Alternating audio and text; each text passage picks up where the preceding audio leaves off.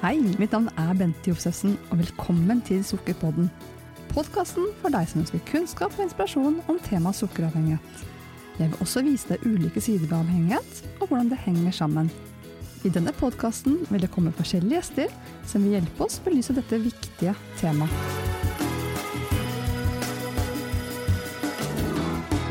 Med meg i dag så har jeg Dagfinn Hjort Hovin. Og du skal få lov til å introdusere deg selv, eh, Dagfinn. Hvem, hvem er du? Hvem jeg er, det har jeg også lurt på sjøl noen ganger. Men uh, sånn offisielt så er jeg uh, en mann på 41 år som lever av å spille gitar. Med forskjellige musikere, band, uh, såkalt frilansmusiker. Jobber som det.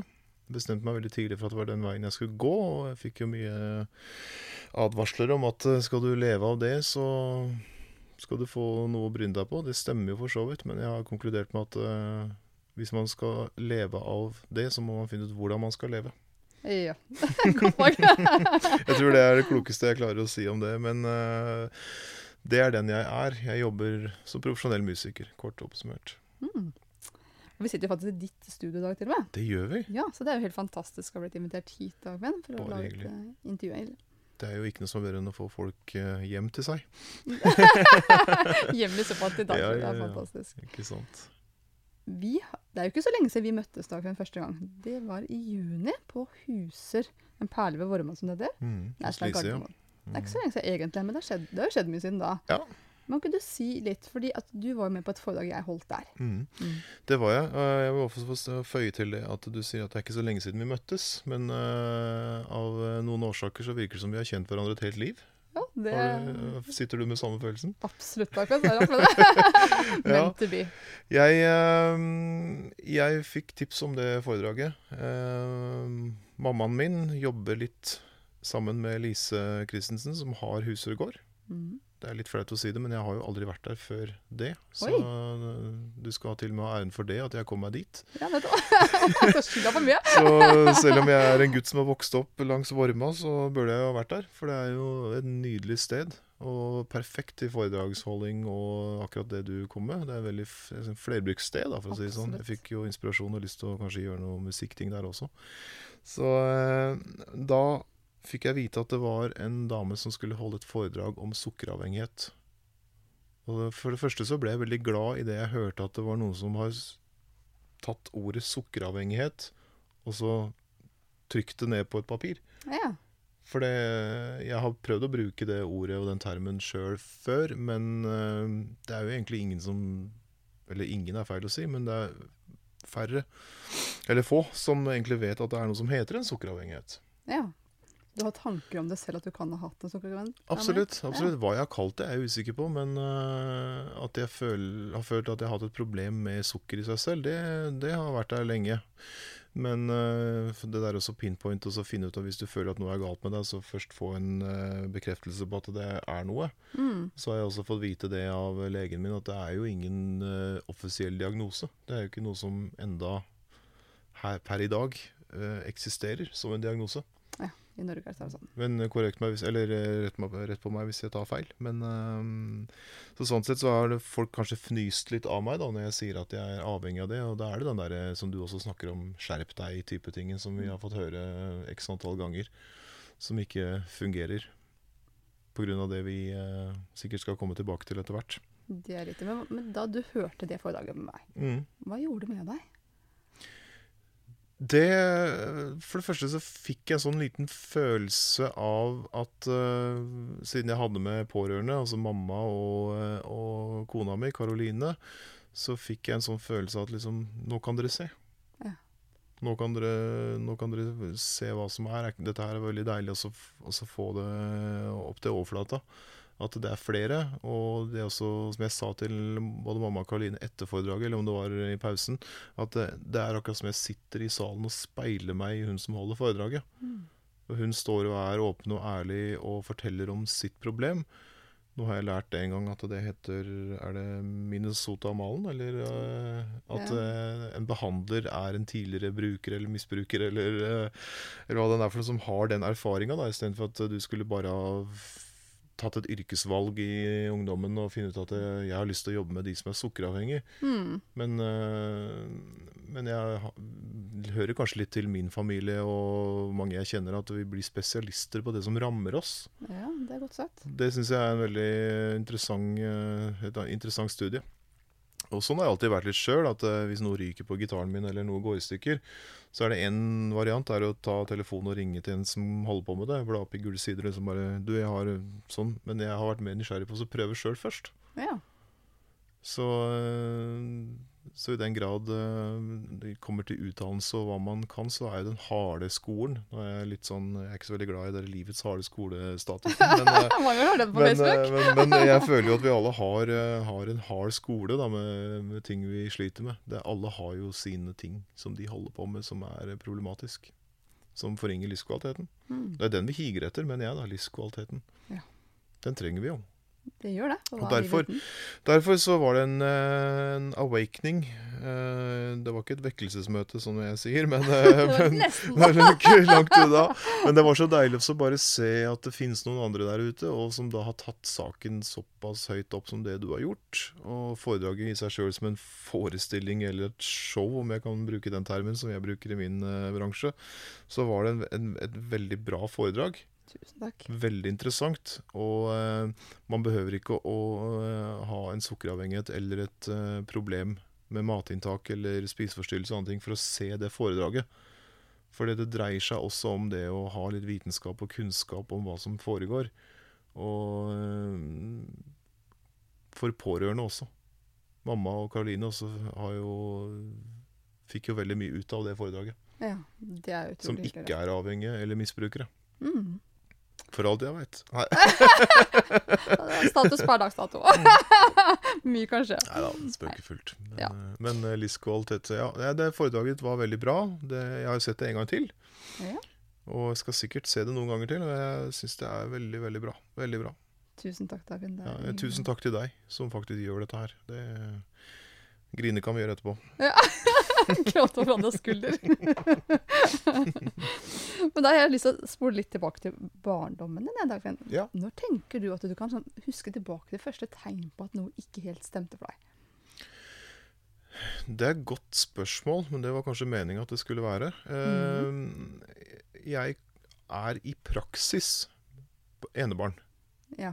Fordi at jeg har tre søsken, eh, henholdsvis 11, 14 og 16 år eldre enn meg. Mm. Så jeg er da den berømte attpåklatten, og fått høre det alltid. Um, jeg kommer fra en gård i Vormsund, ganske stort hus, mange rom. ja. Det er veldig typisk at eh, gårder har store, mange rom. Så uh, søsknene mine var jo så godt som ute av redet da jeg kom til. Ja. Og om det har prega eller danna hvordan barndommen min ble i henhold til det med å være bortskjemt og ikke. Jeg har aldri mangla noe. Jeg har egentlig alltid veldig, fått veldig støtte hjemmefra med hva jeg har lyst til å drive med, og sånne ting, men det har alltid også vært en litt snodig eh, et snodig mønster på å ha med noe til eh, han minstemann. ja. Og da snakker vi ikke biler, men Ja, det er jo sikkert. Jeg har jo på en måte fått veldig mye stimuli av alle søsknene mine som også eh, har hatt sine ting de har bidratt med. Om det gjelder musikk. Eldstemann som, eh, som tok over gården, eh, tok meg med i traktoren, men han var så dum at han spilte en kassett med Deep Purple i, i traktoren da jeg var syv. Ja. Og det var sist jeg satt i en traktor. OK. Men han spilte jo også gitar, og andrebroren min hadde noen gitarer, og de lærte meg sånne ting, og jeg begynte med det veldig tidlig, og musikken ble veldig fort planta inn. da. Mamma er veldig musikalsk, og det har vært en del av det, men det var også mamma sine venninner, eller om det var kollegaer og andre ting som skulle hjem til oss, så det har alltid vært et sånn samlingspunkt hjemme hos oss, og veldig mye folk, veldig mye trafikk. Ja. Og jeg tror at alle hadde med en eller annen form for sjokolade i veska. Og hvis det kom noen som ikke hadde sjokolade i veska, så begynte jeg liksom nærmest som barn å bare se liksom, øh, liksom Er det ikke noe Hvor er firkløveren din, eller hvorfor ser jeg ikke noe, eller Hva gjør du her uten sjokolade? Ikke sant? Ikke sant? Så når, øh, Dagfinn, vil du være med på Skal hente noe der, vi skal på besøk. Ja, skal vi innom der, kan vi kjøre innom en kiosk-type ting, da. Så jeg, jeg husker at uh, de dårlige vanene ble nok veldig tidlig introdusert. Jeg har ikke lyst til å kritisere de som sto ansvarlig for oppdragelsen min heller. Er- Jeg har ikke lyst til å gjøre det, for det, det er så mange andre gode ting jeg har fått. Men kanskje uviten den tiden der er mye av skylda til det også. Og um, ja, jeg eh, Så jeg har ikke lyst til å gi skylda til noen. Det har jeg ikke lyst til å gjøre. Ja. Det- Alle gjør så godt de kan med den kompetansen man har Mm. til enhver tid. Og Absolutt. sånn var det vel for dine, dine også, tenker jeg. Å ja, absolutt. Men jeg, jeg tenker jo Nå har ikke jeg opplevd sjøl at legen min har sittet og røyka på legekontoret, men jeg har jo sett det på TV. Og jeg, Faktisk. altså, du sitter med Det er veldig, veldig veldig rart. Det er mye rart vi ser. Og, og som du også nevner i foredragene dine med, med Høybråten, som innførte røykeloven. Jeg var jo storrøyker den tida sjøl, og var jo mektig forbanna på han. Men eh, nå når jeg opplever at noen eh, røyker inne i hus, så tenker jeg hva er det dere holder på med? Dette er jo forferdelig. Vi satt jo inne på kjøpesentre på kafeer. Vi gikk til og med i butikker og så på klær eller CD-plater. Hva som med røyken i. Prøv å tenke deg tilbake til det. Ja. Det er- det 20 år siden? eh, Ikke det engang. 15? 10-15? Jeg husker ikke. Men eh, røykeloven kom i 97 eller noe sånt. Ja. Så det er, det helt utenkelig. Så jeg håper jo selvfølgelig da så at, eh, at eh, fokuset på sukker Altså det kan begrenses sånn at man kan bruke det som kos og hygge. Mm, for de som mestrer det. Ikke sant? Vi vil jo aldri bli kvitt eh, La oss si at en tørrlagt alkoholiker eh, skal gå rundt og kjempe for å bli kvitt Vinmonopolet eller eh, ølutsalg på butikken. Det er jo for dumt. Det er nok litt uh, popmusisk, ja. Ikke sant? ja. Og jeg sier eh, spøkefullt at eh, hvis du finner Jesus, så vær så god. Kos deg med det. men men jeg, jeg klarer meg uten. Men jeg respekterer at du gjør det. Men ikke kom og si at jeg er dum fordi at jeg ikke eh, vil gå samme vei som deg. ja. Så men jeg finner noe som eh, har funka for meg, eller man skal finne noe som fungerer for en. Og så skal man på en måte kjøre litt kardemommelov på det, da. Mm. At, eh, så lenge man ikke plager andre, eller koster noen andre noe. Nei. Og uh, skyter inn det med en gang før jeg glemmer det. Da jeg er på kjøret, sukkerkjøret, så er jeg et problem for andre. Ja. Fordi at da er ikke jeg Dagfinn, den fulle versjonen av meg selv. Da er jeg en annen variant, og den varianten den er ikke presentabel, sånn som jeg ser det. Nei, og det er veldig innsiktsfullt delt, eh, Dagfinn. Ja. takk for at du er så åpen ærlig. For at når var det du som, Som barn altså, så sier, så fikk du sjokolade sant, i mange sammenhenger og var jo kanskje over gjennomsnittlig opptatt av nettopp denne sjokoladen. Mm. Men når opplevde du det begynte å bli et problem for deg? Var det Snakker vi tenåra eller tidlig voksen alder? Eller? Um, jeg må tenke litt. Jeg har ikke jeg, jeg liker å ta ting litt på sparket, og det å snakke med deg er jo ikke vanskelig. Så åpen og ærlig er jeg, så jeg må bare kjapt tenke meg litt om. Og si at eh, jeg opplevde i kanskje 2010 så var det en, eh, en fotograf, skråstrek kunstner fra bygda, som skulle ta et bilde av meg og en kollega for å profilere oss eh, henge oss opp på en utstilling som, som profilerte musikere fra bygda. Veldig koselig. Stor ære, for så vidt. Så vi var på en fotosession. Og så sendte fotografen meg de bildene, så jeg kunne få se og vel peke på mine favoritter. Og så kunne vi bli enige om hvilke vi skulle bruke. Og jeg fikk bokstavelig talt et slag midt i trynet. For jeg så på meg sjøl Dagfinn. Du ser ikke frisk ut. Du ser rett og slett ikke frisk ut. Livsstilen da var eh, mye alkohol. Ikke noe sånn at jeg våkner om morgenen og må ha whisky. Det har aldri vært der. Jeg har aldri hatt noe problem med alkohol, men jeg har kanskje hatt eh, behov for å drømme meg litt bort i Eller, eh, eller sånn- hva heter det for noe? Eh, flykte vekk Mm. med, med så, en sånn type substans som alkohol. Da, i, eh, og det å være på byen. Alle skal jo gjennom den der rase fra seg-perioden. Men jeg så på meg sjøl på de bildene at du ser ulykkelig ut. Du ser trist ut. Og du er rett og slett blitt feit. Ja. Du har fått et vektproblem, selvfølgelig. Et kjempevektproblem. Ja. Og jeg gikk på vekta rundt den tida der jeg husker at nåla sto på 110. Og det som skjedde, var at eh, jeg tenkte at nå må jeg gjøre noe. Ja. Jeg ble inspirert til å begynne å gå litt mer i tur. Og så har du bygda, da. Så i Vormsund, der jeg kom fra, så er det registrert på Wikipedia at det står bor, 100, nei, det bor 450 mennesker i Vormsund. Og da er det fort gjort at alle kjenner alle blir alvor. Ja. Så jeg kunne gå en tur, og så kunne bil, en bil stoppe og si 'Skal jeg kjøre deg noe sted?' Og så, du, jeg er bare ute og spaserer litt, jeg. Har du blitt sjuk? og så kunne hende at jeg satt meg inn og ja, så og satt på et lett sted, da. Men så tenkte jeg at nei takk, jeg skal gå en tur, og så bare trosse det og bare blåse litt i hva folk måtte mene. I Vormsen så har vi Runden, noe som heter Runden. Den er ca. fire kilometer lang, tror jeg. Og der er det majoriteten av runden er skog. Ja. Og um, der syns man ikke Nei. i skogen. Der møter du kanskje noen tilfeldige andre turgåere. Så jeg begynte å gå runden. Og fikk noen tekstmeldinger. 'Hei, så du vet du gikk her om dagen?' Dette er helt sant. Ja, ja, det er helt sant. Altså I Oslo kan du jo gjøre hva du vil. Her er det ingen som bryr seg. Det er jo åpning for alle, og det syns jeg er veldig fint med Oslo. Her er det rom for alle personligheter. Men, Til og med tur. eh, ja, til og med turgåere er akseptert i Oslo. Tenk på det, du. Nei da, så veldig rart. Men det er nok kanskje litt med at jeg har etablert sjøl hva slags type jeg er, eller image, eller uh, hva det måtte være. At man har en stil liksom, ja, litt sånn rocka i kroppen og rocka i stilen. Og røyker og drikker og henger på pub og spiller gitar og lever det livet der. Men det folk ikke vet, er at Mick Jagger han trener jo syv dager i uka for å kunne Ja. løpe rundt på scenen og være frontmann i Rolling Stones. Jeg vet ikke hvor rocka det er, for å si det sånn. Nei, det kan du si. Mm. Ja. Så, men, men det er en annen sak. Men det som skjedde Altså, jeg er digresjonens fyrste, bare så du vet det. Ja, jeg skal få deg inn på Eh, rett spor snart. Hva skjedde i 2010? Da du så- så 2010 da så, jeg, så tok jeg tak i helsa mi og begynte å gå tur. Ja. Og selvfølgelig da trossa de som eh, måtte ha mene noe om det. Og så begynte jeg så småløpe litt. Jeg begynte å kjøpe litt treningstøy og litt sånn der forsiktige ting som det var akseptabelt å jogge i. da. Så jeg begynte å jogge skogsruta av runden. Og så fort jeg var ute av den, så begynte jeg å gå resten. Og plutselig en dag før jeg visste det, så, jeg, så jogga jeg hele runden. Oi, oi.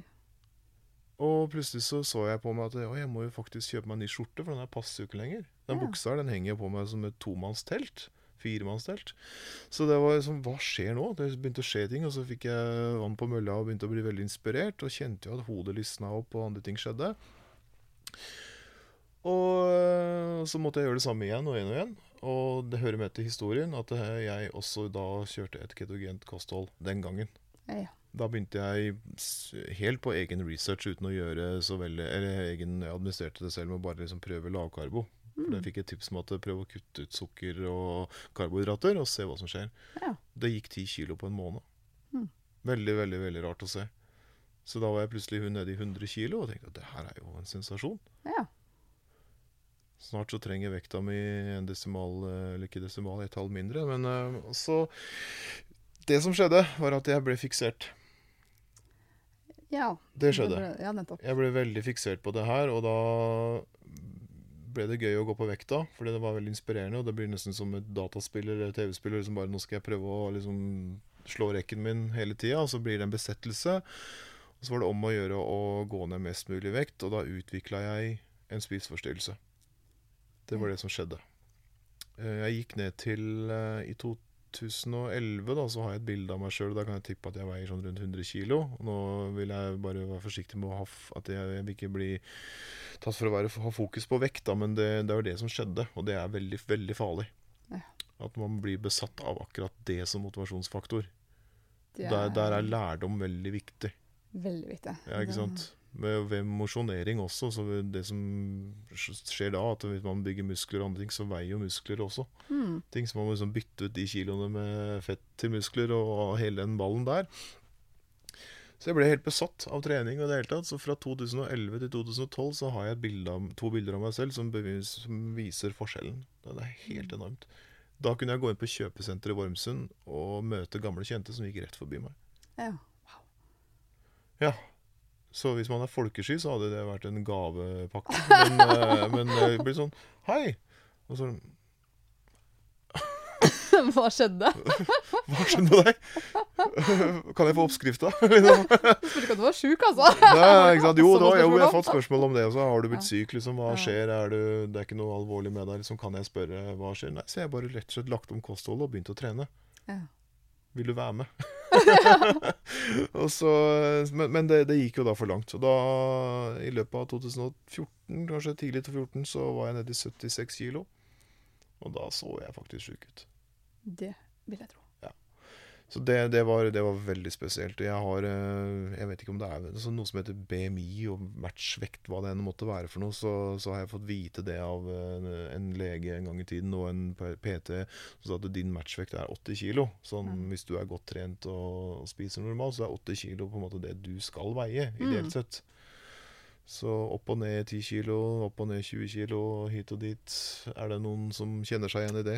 Det er, det er vel et sånn klassisk mønster. Og det her med også Vi er jo ofte enten-eller, da. ikke sant? Så mm. kan jeg ligge på sofaen i 20 år, og så skal vi trene, og da skal vi gjøre det hele tiden. Nemlig. nemlig. Det er alt eller ingenting, men det, det er veldig typisk meg. Alt eller ingenting. Det er meg oppsummert. Så, og sånn er det. Jeg får eh, dilla på ting. Jeg blir helt besatt av noe. Altså, det er kanskje andre diagnoser som ligger og vaker rundt der, men det får heller stå sin prøve. Det er et typisk mønster for oss med en avhengighetshjerne. Dagfinn. At Ja, det ja. er on-off eh, enten-eller. Ja, ja, ja, Ja. ikke sant? Så det, nei, det er all in hvis det først er noe. Ja. Og, så jeg har en sånn personlig lite sånn diagram at eh, hvis ikke jeg klarer balanse, måtehold midt på, så må jeg enten velge å bare gå fullstendig ned i bånn, eller så må jeg være helt på andre siden ekstrem. Eksentrisk, ekstrem, eh, hva som helst. Hvis det er det eneste som funker for meg, så er jeg veldig komfortabel med å være det. Mm. Og da kan jeg være en plage for andre som kanskje har en mer sedat eh, personlighet enn meg. Jeg vet ikke, men, eh, men, men jeg er komfortabel med å være ekstrem på noe.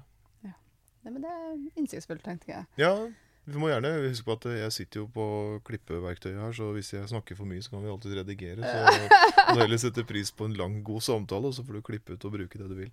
Men, eh, Det skal vi absolutt ja, men jeg, jeg tenker bare for liksom å ta en liten eh, parallell. At hvis du får deg en jobb du har lyst på, og så er det litt sånn motivasjonsbasert arbeid hvor du eh, resultater på en måte gir deg en mer avkastning eller lønn eller provisjonsbasert eller hva det måtte være, avkastning, så er det motivasjonsfaktoren. Og da, da går vi all in. Mm. Hvis du skulle få er ute etter jobb, og så får du jobb i et eh, teleselskap eller hva som helst. Så øh, om du får jobb i Telenor, og så snakker du med alle vennene dine som ikke har Telenor, så er de fullstendig dumme i huet. Som ikke har det. Fordi Ja, ja. du selger det. Ja, ja, ja. Ikke sant? Sånn er det. Så du kan tenke meg at du som har jobba i Coca-Cola, og så ser du en god venn som sitter og drikker Pepsi, så er det sånn Du, Hva gjør du? nei, i mitt hus? eller i mitt Det, det var i hvert fall sånn. Ja? Nå ser jeg dum på deg Mm. uansett om du drikker Coca-Cola eller Pepsi. Ikke sant? Det, er, det, var det, sånn Hva gjør du? Drikker brus? det blir en slags politikk ikke sant? i det hele. Det, sånn bare, det går ikke an å være Liverpool-supporter og så påstå at Manchester United ikke kan spille fotball. Nei, Det går ikke an å si. da er det det. Men de appellerer ikke til deg. Nettopp Og det. det, det syns jeg er viktig å holde fokus på. Og der er vi tilbake til det jeg sa i stad, om det der å Folk må finne sin greie. Folk må finne sin greie som passer for dem, og så må man ikke dømme og ha pekefingre eller moraliserende. Og jeg prøver å ikke være det. Men uh, der igjen, da, så siden jeg er så åpen i, uh, på din side og på min egen side og snakker åpent om sukkeravhengigheten min, Mm. så er det veldig mange som spør. Ja. Og ingen kritikk til de som spør, men det som er tendensen med de som spør, at de spør, og så svarer jeg, og så kommer jeg ikke engang til poenget før de begynner å fortelle om seg selv. Ja. Folk elsker å snakke om seg selv. Jo, jo, det er jo, det er jo greit. Det gjør sikkert jeg også. Jeg kjenner jo at jeg er veldig komfortabel med å sitte her. Det, er jo, det hadde jeg ikke trodd skulle være så gøy. Men eh, jo da. Nei, men altså, det er jo skummelt. Jeg, snakka om det med setting, at det er veldig uvant for meg å sitte her og snakke Snakke om noe annet enn eh, akkordprogresjoner og eh, mikrofoner. Eller lyd og gitar. Jeg er imponert over deg. Du, Takk skal du ha. Takk skal, du skal ha æren for det òg, at det, du gjør det komfortabelt og så åpne seg. Så bra å høre. Det tror jeg er viktig, at folk må lære seg til å være åpne om det de holder på med. Ja. Så Og da skal jeg dra deg tilbake der vi var. Fordi at du sa nå om at du gjorde en endring, mm. og så gikk det for langt. Mm. For du har jo fortalt meg i dag, at du har jo også gått til behandling hos ulike terapeuter. Mm. Har du lyst til å si litt om det? Jeg har lyst til å si litt om det. Det er ikke noe problem å snakke om, eh, snakke om det. Det er en ærlig sak. Eh, psykisk helse er jo heldigvis i dag mer eh, Eller mindre tabubelagt enn det det var. Mm. Forhåpentligvis så vil det være helt borte, men eh, for noen år siden så sa du jo ikke det til noen hvis du gikk til psykolog. Det er jo nesten det samme som eh, Bill Merk i Aftenposten har nå blitt en sånn Hun var fin, hun var fin. ikke sant? Så jeg tenker, men det er en mer omfattende prosess før, da. Men, eh, men, men nå er det jo Jeg syns jo diagnoser blir stilt kanskje litt for fort for noen. eller andre ting, men, men folk tør å være åpne og ærlige om ting. Ja. Og det syns jeg er veldig veldig fint, men man skal også være veldig forsiktig med å misbruke det. For Hva det, hva jeg tenker på da, er det at eh, det er fort gjort å stille diagnoser. Det er det, og det er fort gjort å komme i en posisjon hvor du ønsker deg en diagnose. Mm. At det, er, at det er litt deilig at det er noe med meg. Da får man et svar en forklaring. Ja, jeg skal være forsiktig med å si dette her, eh, sånn, men, eh, men, men, eh, men jeg har mine tanker om de som roper A og ikke vil si B, eller andre ting. At det, sånn, sånn, men, men jeg for min del syns det var veldig viktig å stå fram med det jeg sliter med, Mm. som da het spiseforstyrrelse den gangen. Det er ikke lenge siden det. Det heter sikkert det enda også, for nå har det fått et nytt navn for meg, og det er sukkeravhengig. Ja. Og spiseforstyrrelsen, og da må jeg si det at eh, vekt for meg nå, det er det siste jeg tenker på. Så bra. Og hvorfor skjer det bare sånn? Jeg har gått i terapi, og jeg har ikke lyst til å si noe vondt om de terapeutene jeg har hatt, men de har ikke kompetanse på det som viser seg å være det som feiler meg. Nei, for hva slags hjelp fikk du egentlig av disse terapeutene? Det heter jo psykoterapi, gjør det ikke det? Mhm. Det er nå én ting. Samtale, hjelp til selvhjelp, eh, selvhjelp. Andre ting. eh, medisiner etter hvert. Ja, hva slags medisiner? Eh, antidepressiva, det som mm. heter eh, Prozac, eh, som alle kjenner det som. Mens eh, tilsvarende er vel da Hva heter det? Jeg glemmer alltid navnet. Jeg ser jo på det, jeg har sett på det ligger Ja, du tenker merke, jeg tenker på det, men du Fontex, eh, et eller annet. Den type Ja. ting som skal da roe ned de tingene der. Og jeg fikk vite at det preparatet der hadde en appetittdempende effekt. Mm. Hvilket jeg aldri har sett et snev av. Funka det ikke? Ikke i det hele tatt. Nei. For det, det jeg er opptatt av, altså disse terapeutene du gikk til, Mm. var det noen av de som snakket om kosthold? Ja, men egentlig ikke uoppfordra. Det var vel egentlig bare Det var ingen av de som prøvde å trene meg opp eller guide meg til hva jeg burde gjøre og ikke gjøre. Den biten der, det tar jo PT seg av, og kosthold, eller ernæringsfysiologer og andre spesialister.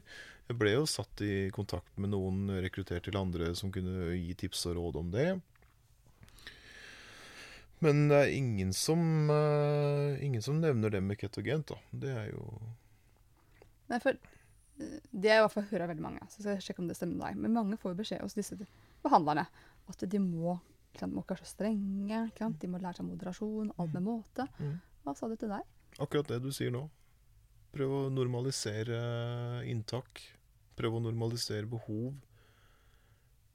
Så jeg går rett inn i Holbergsk eh, Er det ikke Holberg som skrev 'Jeppe på berget'? Ja. Om uh, ingen spør hvorfor Jeppe drikker, men alle vet at han gjør det. Og Nei, jeg syns jeg har fått veldig lite hjelp på det. ja. For jeg tenker at hvis, hvis de har en oppfattelse, da, Mm. at det her er noe man bør kunne kontrollere, ikke sant? Mm. Jeg tenker at det, med en sukkervegg så så er det vanskelig, da. Ja. Altså, hvilken mestringsfølelse sitter man igjen med da? Altså, hva gjorde det med deg? Klarte du å følge rådene du fikk? En liten periode. Ja. En liten periode så kunne jeg klare det. Jeg er jo sta som et beist og er jo av den oppfatning at jeg kan få til hva jeg vil. Mm. Men så blir man overbemanna av et eller annet uh, som, som er større enn deg sjøl, da. Og det er jo det som har skjedd. At uh, jeg har blitt avhengig av noe som jeg ikke klarer å bekjempe. Mm. Jeg, det har, jeg har ikke makt over det. Nei. Og da, det å innse det, det er egentlig kanskje like greit, da, for da slipper man å holde på så ufattelig lenge for å komme til en løsning. Mm. Så tro kan flytte fjell, sier du, men jeg tror egentlig ikke det, da. For det er jo fysisk umulig. Altså, det, er, det er en fysisk sykdom som sitter i hjernens belønningssenter, så jeg tenker at det, det, det er for måte på da, hvilke oppgaver Mm. vi skal bli satt til. Ja, ja. Tida går, og åra går. Jeg, jeg sitter ikke her og sier at jeg begynner å bli gammel, men jeg, jeg har ikke lyst til å har ikke lyst til å dette mer i grøfta, ned i grøfta nå. Jeg. jeg har ikke lyst til det. Jeg har lyst til å leve. Jeg har brukt kanskje 15 år da, av livet mitt på å prøve ut ting for å finne hvordan jeg skal leve. Mm. Jeg syns det er lenge. Det er lenge. Det er forferdelig lenge, og all den tida jeg har brukt på å sitte og spise og spise og spise og spise, og er veldig mm, imponert og nesten i grenseland sjalu på de som klarer måtehold. De som klarer å kjøpe en sjokolade og ta en bit av den, så legge vekk resten, og så bare 'Å, det var sjokolade, jeg vil kanskje ta en i dag òg'. Ikke sett i nærheten av det. Det husker jeg kanskje faren min, eh, som, som ikke lever lenger. Men han eh, Jeg lurer på om han hadde en eller annen taktikk når jeg tenker tilbake til barndommen. For at det, hvis jeg hadde en smil, da, eksempel, Mm. så spurte jeg om han ville ha. For jeg har alltid vært veldig glad i å dele. Ja, selv godteri. Er, ja, ja, selv godteri. Men, Wow. eh, ja, men altså, det er litt mer sånn at så lenge det er mer der det kommer fra, så er jo ikke det noe problem. Så Men var det siste sjokoladen på jord? Da? da, nei, nei, nei, nei, nei, da hadde jeg jo selvfølgelig gått et helt annet sted, men, eh, en annen vei. Men eh, jeg husker jeg spurte vil du ha, pappa. Så sa han nei, jeg venter litt, jeg. Vente litt? Uh, er du en av de dummeste menneskene i verden, liksom? du veit jo at den ikke er mer om uh, fem minutter, ti minutter, maks. Så jeg lurer på om det var en taktikk for å prøve å så plante en sånn samvittighetsgreie med at jeg må spare en litt til gjestene, eller, de som, eller han, eller andre ting. Men det var jo bare å glemme. Man finner sånne måter å unnskylde på at den forsvant eller ble borte, eller eh, Eller jeg til og med, til og med bruker sånn at du, den der sjokoladen var så gammel, den kasta jeg. Du har sagt den, du òg? Ja, ja. Ja, det har jeg. Ja, Ja, ja, ja, ja. Jøss, du verden. Aldri hørt før.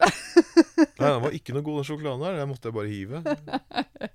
Ikke sånn Hvor er det du heiv den? så, så det Nei, men eh, ja. Føler, føler du at du har fått svar på det med barndommen? Eh, Vi snakka om det i stad, egentlig. Sånn det mønsteret der, er det innafor? Ja, det tenker jeg absolutt. Ja, ta oppsummering til slutt, da, hvis det er noe som mangler. Ja, for det, Hvis jeg tar litt sånn historisk oversikt her nå, Mm. ja, så sier du at du, hadde, du ser noen signaler fra du var barn. ikke sant? Mm. Og så dro det seg mer og mer til. Og så tenker jeg at du i 2010 så ble det i hvert fall tydelig for deg at du hadde Mm. problemer med disse Mm. bildene som du så. ikke sant? Mm. Og så har du jo delt med oss at du har jo gått til ulike behandlere. Mm. Og vi skal ikke nevne navn, men du har gått til ganske så profilerte behandlere, Dagfinn. Ja. Som er spesialister på spiseforstyrrelser. Ikke sant? En lege, psykolog, psykiater har jo, er jo da pålagt taushetsplikt. Og jeg føler egentlig at det burde gå begge veier. Mm. Så derfor så går jeg ikke ut med navn. Nei, og det trenger vi ikke heller. Det er ikke Så da er det ingenting å arrestere meg på, men jeg skal, inn, jeg skal, jeg skal bekrefte det, at det er en av de, mest profilerte innenfor feltet som skulle hjelpe meg med dette her. Og jeg vet ikke hva jeg skal si. Det hjalp ikke meg noe. Men jeg er også veldig innforstått med at, eh, at kjemi mellom behandler og klient også er jo, har jo alt å si Det er klart. Ja. alfa og omega. Så vedkommende har hjulpet veldig mange og gjort en fantastisk jobb. Har et kunnskapsnivå som er bare å bøye seg i støvet for. Men eh, jeg kan kanskje sende en liten kritikk til det at man ikke kanskje er villig til å utvide horisonten litt og kunnskapsnivået. Og ha åpning for at det fins andre årsaker til at mennesker sliter. Mm. Der kommer du inn i bildet. Ja. Så øh, Så du får bare da ta det til deg, at øh, av alle preparater og all hjelp og all slit, så har du gjort mer for meg på ja, la oss si 14 dager, da, enn øh, noen av de har gjort på flere år. Så jeg skylder deg alt, Bente. Må ikke du begynne å grine, da. Nei, jeg prøver å la være. Nå skal jeg bare late være helt uanfekta. Ja, ja, ja. Det er utrolig Og det er jeg sikker på at det er flere. Og det kommer til å bli flere. Ja. Ja.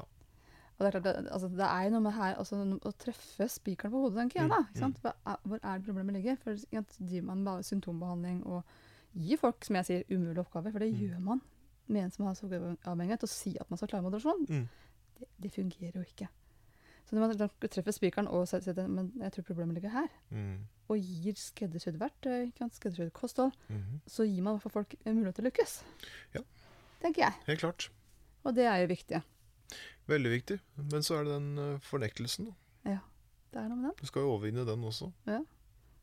Så var det noe med timingen da, da vi møttes, eh, Dagfinn? At Det kan det ha vært. Det kan det eh, ha vært. Eh, Jeg, har gått, jeg går jo fortsatt i psykoterapi, men nå har det jo blitt sånn at min behandler nå Veldig, veldig flink eh, en dame som er veldig, veldig dyktig og fin samtalepartner.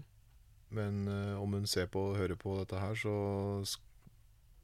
Hun blir vel ikke overraska over å si at eh, hun har ikke kunnskap om det vi sitter her og snakker om nå. Mm. Og jeg vet at hun er interessert i å lære.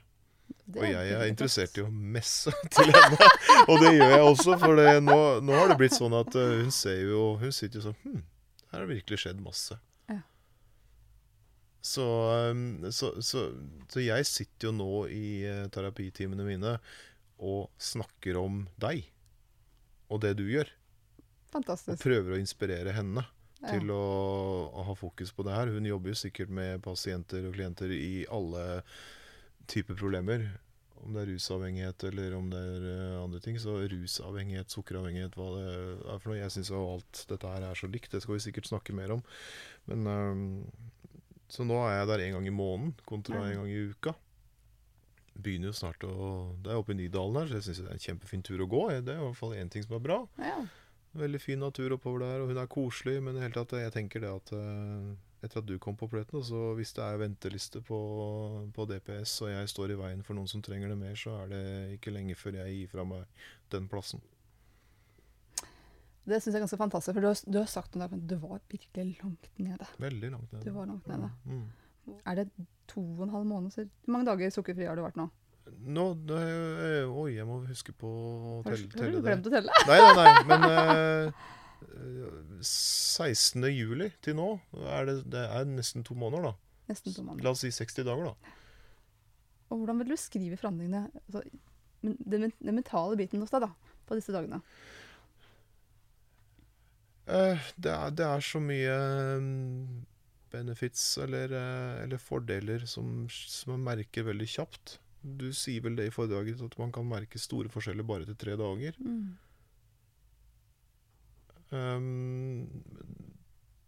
det som jeg har oppnådd, er at det, er akkurat som Nå kan ikke jeg så mye om det fysiologiske eh, med det, hva som skjer med kroppen fysisk da man går cold turkey eller full detox eller uh, hva det er for noe, men jeg ser på det som en avgiftning. Uh, skjønn det den som vil. Men, uh, men det, det er akkurat som noe som har blokkert blodsirkulasjon, hjernom, hjernekapasitet Altså sirkulasjon, andre ting som, som bare Akkurat som noen bare Nå slapper vi opp hele greia, så nå, nå begynner ting å fungere. Ja. Kroppen uh, er mye mer velvillig til å være med på ting. Uh, alle de der dørstokkmilene, alle de der eh, ting som er uh, utfordring ellers, som kanskje kan være en tung oppgave. Det, sånn, det som er lystbetont Ting Ting blir mye lettere. Jeg står opp tidlig om morgenen. Ja. Jeg har lyst til å gå alle destinasjoner. I Oslo så er jo det fullt mulig. Det er jo for så vidt fullt mulig overalt, men, eh, men her så er det liksom Skal du fra A til B, så Ok, hoppe på 37-bussen, så er du der på et minutt, men hvis du går, så tar det et kvarter, da. Mm. Og jeg tenker at bare de små grunnsteinene der må bare gjøre en liten forandring. Jeg har mantraet ta, ta trappa, ikke heisen. Ja. Hvis du har eh, bein til det. Mm. Veldig bra. Lurt. Og det gjør jeg konsekvent. Mm. Jeg går fire etasjer hvis jeg Hvis ikke jeg har med fire gitarer og en forsterker og skal et eller annet sted, så er det jo Når jeg skal frakte noe mer enn meg sjøl Hvis jeg ikke skal frakte mer enn meg sjøl, så, så går jeg. Ja. Og da tenker folk at Nei, men det var ikke tid til det hvis du skal rekke noe. Nei, men da må du faktisk bare gå en Den tida det tar å gå, må du bare legge inn i kalkulasjonen sånn sett. Så, men kreativitet Ja, det merker jeg. jeg er, jeg er en kreativ, kreativ sjel. Jeg har en skapertrang. Den har vært kronisk trenert tidligere. Og den har virkelig hatt utfordringer og blokader overalt. Ja. Og det slapp opp sånn. Jeg har en skuff, eh, skuff full av eh, mange gamle låtideer, mye ting som nå bare blir dratt fram og satt i live.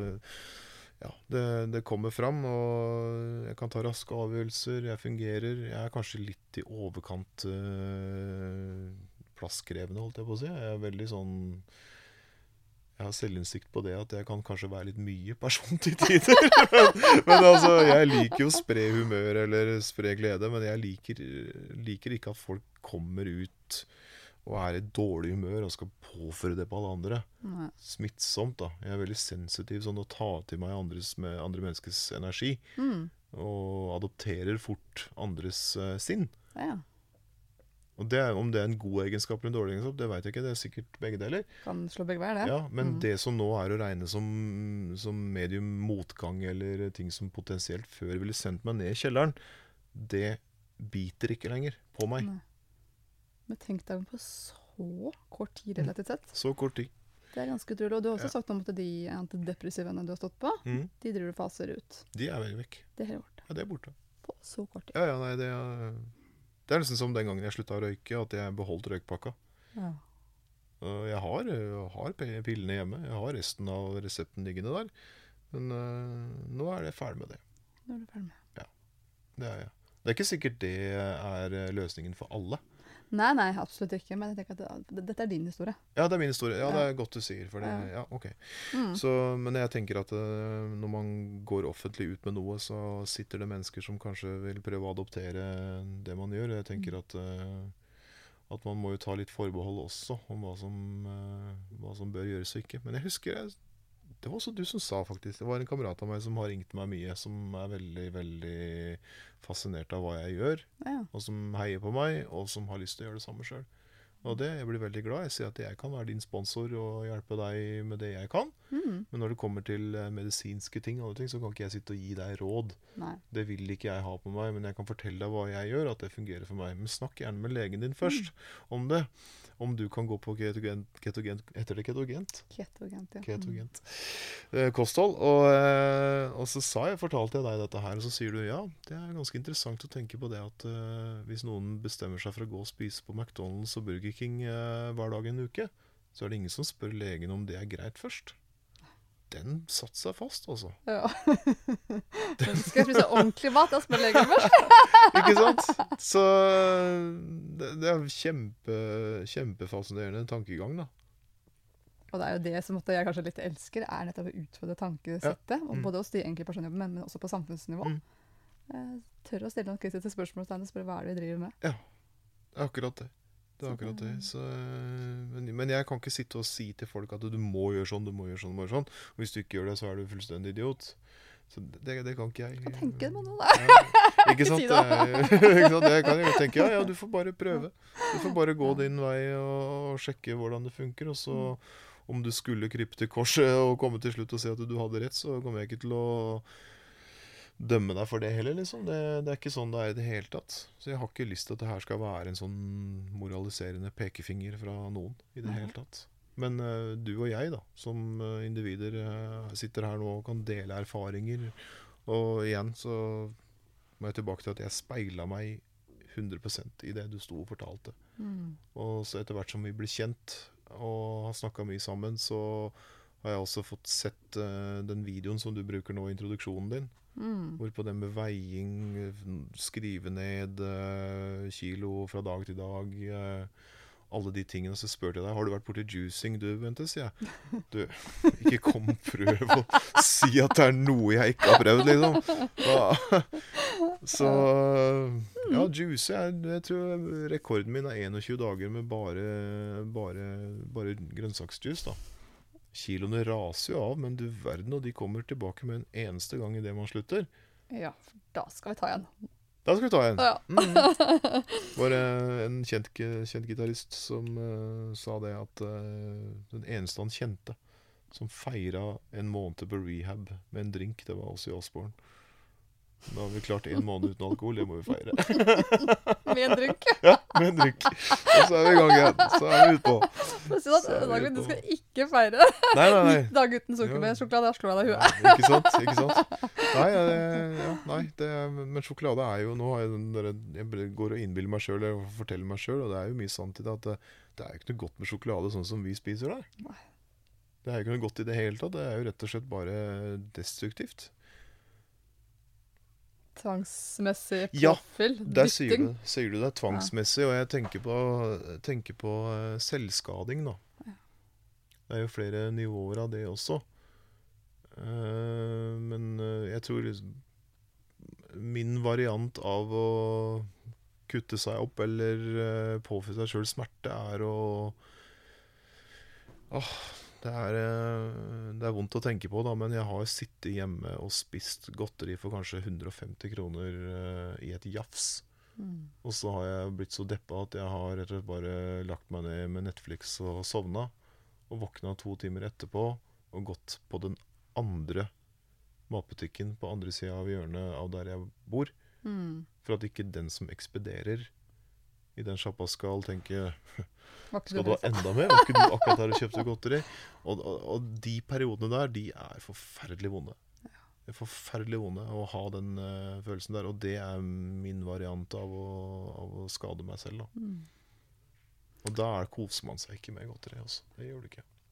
Man gjør ikke det. Det er illusjonen om kos. Ja, ikke sant? ikke sant? Illusjonen om kos. Så jeg tenker at det er jo de klassiske um, vi, kan, vi kan avrunde med de klassiske tegnene på en avhengighet. ikke sant? Mm. Og du, vi har vært innom masse her nå. Så vi Mm. kan kanskje bare sjekke av. ikke sant? Mm. Um, det her med som du sier, ikke sant? illusjon om kos, det er jo den ene tingen. Mm. ikke sant? Tvangsmessigheten. Mm. Gjemming og smyging, har du gjort det, Dagfinn? Oh, ja. Ljuging. ja ja, masse. Ja. masse. Hva med det med toleranseutvikling, at du har trengt liksom større mengder etter hvert? Ja. Du kan gjenkjenne deg i det. Check. uh, har du tenkt at dette her er siste gang? Hver gang. Hver gang? Har du tenkt at jeg skal slutte til mandag etter nyttår? Mm. Du har det også, ja? Ja. Du har prøvd gang på gang? Mm. Du, du kan egentlig sjekke alle de klassiske symptomene. Ja, jeg har svart belte i det her. Så Ja. det, og alle grader av det. Mm. Så da har jeg lyst til å avslutte med et, eh, et siste spørsmål. Hva er dine tanker om fremtiden nå, som du på en måte er på vei, god vei i tilfredsstillelse, vil jeg jo si? Mine tanker om fremtiden er jo egentlig å prøve å få gjort alt det jeg ikke har fått gjort på en stund. Jeg har jo reflektert litt over det at eh, noen vil bli backingmusikere, andre vil bli frontfigurer eller stjerner. Jeg kommer nok aldri til å bli popstjerne eller rockestjerne uansett, men det kan godt hende jeg kan få lov til å være med noen som kommer til å bli det. Ja. Det er, en sånn, det er ikke en plan B heller, det er kanskje mest komfortabel med det, men jeg vil opp og ut og fram. Jeg har lyst til å spre det jeg har blitt plassert her på jorden til å drive med. Jeg har liksom akkurat som en, en odelsgutt og en bonde, så har jeg driveplikt på det jeg holder på med, det, det talentet jeg har fått utlevert. Mm. Dagfinn, du er god på det her, det her skal du gjøre. Og det, jeg har aldri, aldri kommet så langt at jeg ikke har klart å gjøre jobben min, men jeg har ikke klart å forbinde glede med å gjøre jobben min på veldig mange år. Mm. Men nå kjenner jeg at jeg har en helt annen giv, en helt annen driv. det hele tatt. Og det er klart, det er veldig utfordrende å reise rundt i Norge og så hopp- hoppe innom Circle K og andre Mye snikreklame i dag. Men, eh, men det å så- gå rundt der og så se på godterihyllene, og så tenker jeg at dette her er ganske skummelt. Men så sa jeg til deg her om dagen at uh, jeg kan sitte med en sjokolade foran meg nå, det bryr ikke meg. Det er veldig bra. Da har kommet Ja. så langt allerede. Men kjøper du det? Tror du at det kommer til å vedvare, eller tror du jeg må skånes for alle farene? Nei, jeg, jeg tror definitivt det kommer til å vedvare, men det er som vi snakket om disse bølgene ikke sant, Mm. som kommer. Mm. Så man må bare Det er en vei å gå. Man må Mm. lære seg litt sånn Å kjenne signalene Ja. på at det, det er ikke Det vil være greit for deg 99% av dagene, Ja. men så er det 1% det kanskje ikke er greit. Ja. Og da må du merke signal, signalene på at nå må jeg faktisk skjerme meg litt. Ikke sant? Så dette skal du få god trening i. Nemlig. Så det, jeg, jeg tenker det at øh, At hvis jeg har det bra i hodet, så kan jeg delta på julebordet til Freia. Liksom, det hadde ikke vært noe problem. For øh, jeg er ikke interessert i det, det som ligger på bordet, sånn sett. Men har jeg det tøft, Mm. Hvis jeg får det tøft, så kjenner jeg på det at det er sånn sånn. Og hvis jeg ramler ned i noe veldig kraftig, og noe skulle skje, bank i bordet og den visa der, så er det ugunstig å ha umiddelbar tilgang. Ja. Og i Oslo så har du umiddelbar tilgang. Jeg kan si til kona mi som eh, ikke har en sukkeravhengighet, at uh, ha sjokolade i huset eller, eller, eller ta vekk sjokoladen i huset har ingen hensikt, for jeg kan gå ut av døra og kjøpe meg en sjøl. Ja. Så det er, ikke noe, det er ikke noe poeng. Det er vel for dumt om jeg skulle prøve å liksom rense alle områder øh, og liksom Ja, det hadde, Ja. det hadde ikke vært noe hensikt. Og nå har du, og nå har du kommet sånn, tenker jeg, så, såpass langt at du har blitt mer stabil i dette her også. Ja. Men de første dagene så er det mange som trenger nettopp den skjermingen. ikke sant? Ja. Til man som har kommet over det verste. Mm. Men eh, du, har, du har jo kommet veldig langt på kort tid. Ja. Det er utrolig bra. Det, Takk skal du ha, Bente. Det er igjen. Uh, takk skal du ha. Det er så viktig det du gjør. Det er så viktig. Og ja, jeg kan øh, Jeg kommer til å fortsette å drive reklame for det du holder på med. Og jeg stiller gjerne opp på det jeg kan gjøre. Det gjør du absolutt. Dagfinn. Du, Jeg representerer kanskje en eh, Det syns jeg er litt viktig du vil, hvis du vil ha med, men jeg representerer kanskje en menneskegruppe som, eh, hvor det er mye mørketall. Forbinder med det med spiseforstyrrelser og, eh, og det å innrømme at man har en har et problem da, som foregår oppi hodet. og det som er unikt med deg, Dagfinn, er jo nettopp at du er mann. Ja, det er det jeg- det vel fra, ja, nettopp ja. er nettopp det, for det er som jeg nevnte for deg, at dessverre, av en, av en eller annen grunn, da, så Mm. opplever menn det ofte mer skambelagt å si at man er sukkeravhengig. Det er lettere å si at man er avhengig av alkohol, liksom. Mm. Og motsatt for kvinner. Mm. Eh, og derfor ser vi jo også at det er jo ikke så mange menn som melder seg på mine kurs og programmer, selv om det er jo et like stort problem. Mm. Men eh, den runden vi skal i gang med nå, så er det faktisk flere menn, og det er utrolig bra. Og det blir fint ha deg med også, Dagfinn. Takk skal du ha. Det er godt å høre. Jeg, eh, om jeg kan fungere som maskot for, eh, for min eh, hva, heter det for noe? Leir? Nei, hva heter det for noe? Er det for noe? Min flokk. Så gjerne. Det er eh, ja. Gjøre en stor innsats for å få det bedre framover. Det er sånn det er. Hvis du nå sitter og tenker at du gjerne skulle hatt hjelp til å komme deg ut av en sukkeravhengighet, kan jeg fortelle at vi i Frisk uten sukker har flere ulike kurs og programmer. Akkurat nå har vi tilbud på et sukkerdetox-kurs på Holmenkollen Parkhotell første helgen i juni. Hvis du ønsker mer informasjon om dette, kan du gå inn på www.friskgutensukker.no og lese mer om dette fantastiske tilbudet. Tusen takk for at du stilte opp, Dagfinn, og åpent og ærlig fortalte om eh, deg og ditt liv. og Bare hyggelig. Det er eh, terapeutisk for min del også å gjøre akkurat sånne ting. Så bra. Da håper jeg det har vært inspirasjon for deg som hørte på denne podkasten også. Men det var så gøy at det er så synd at det er over. Er det ikke det vi kan snakke om? Vi kan lage en episode to eller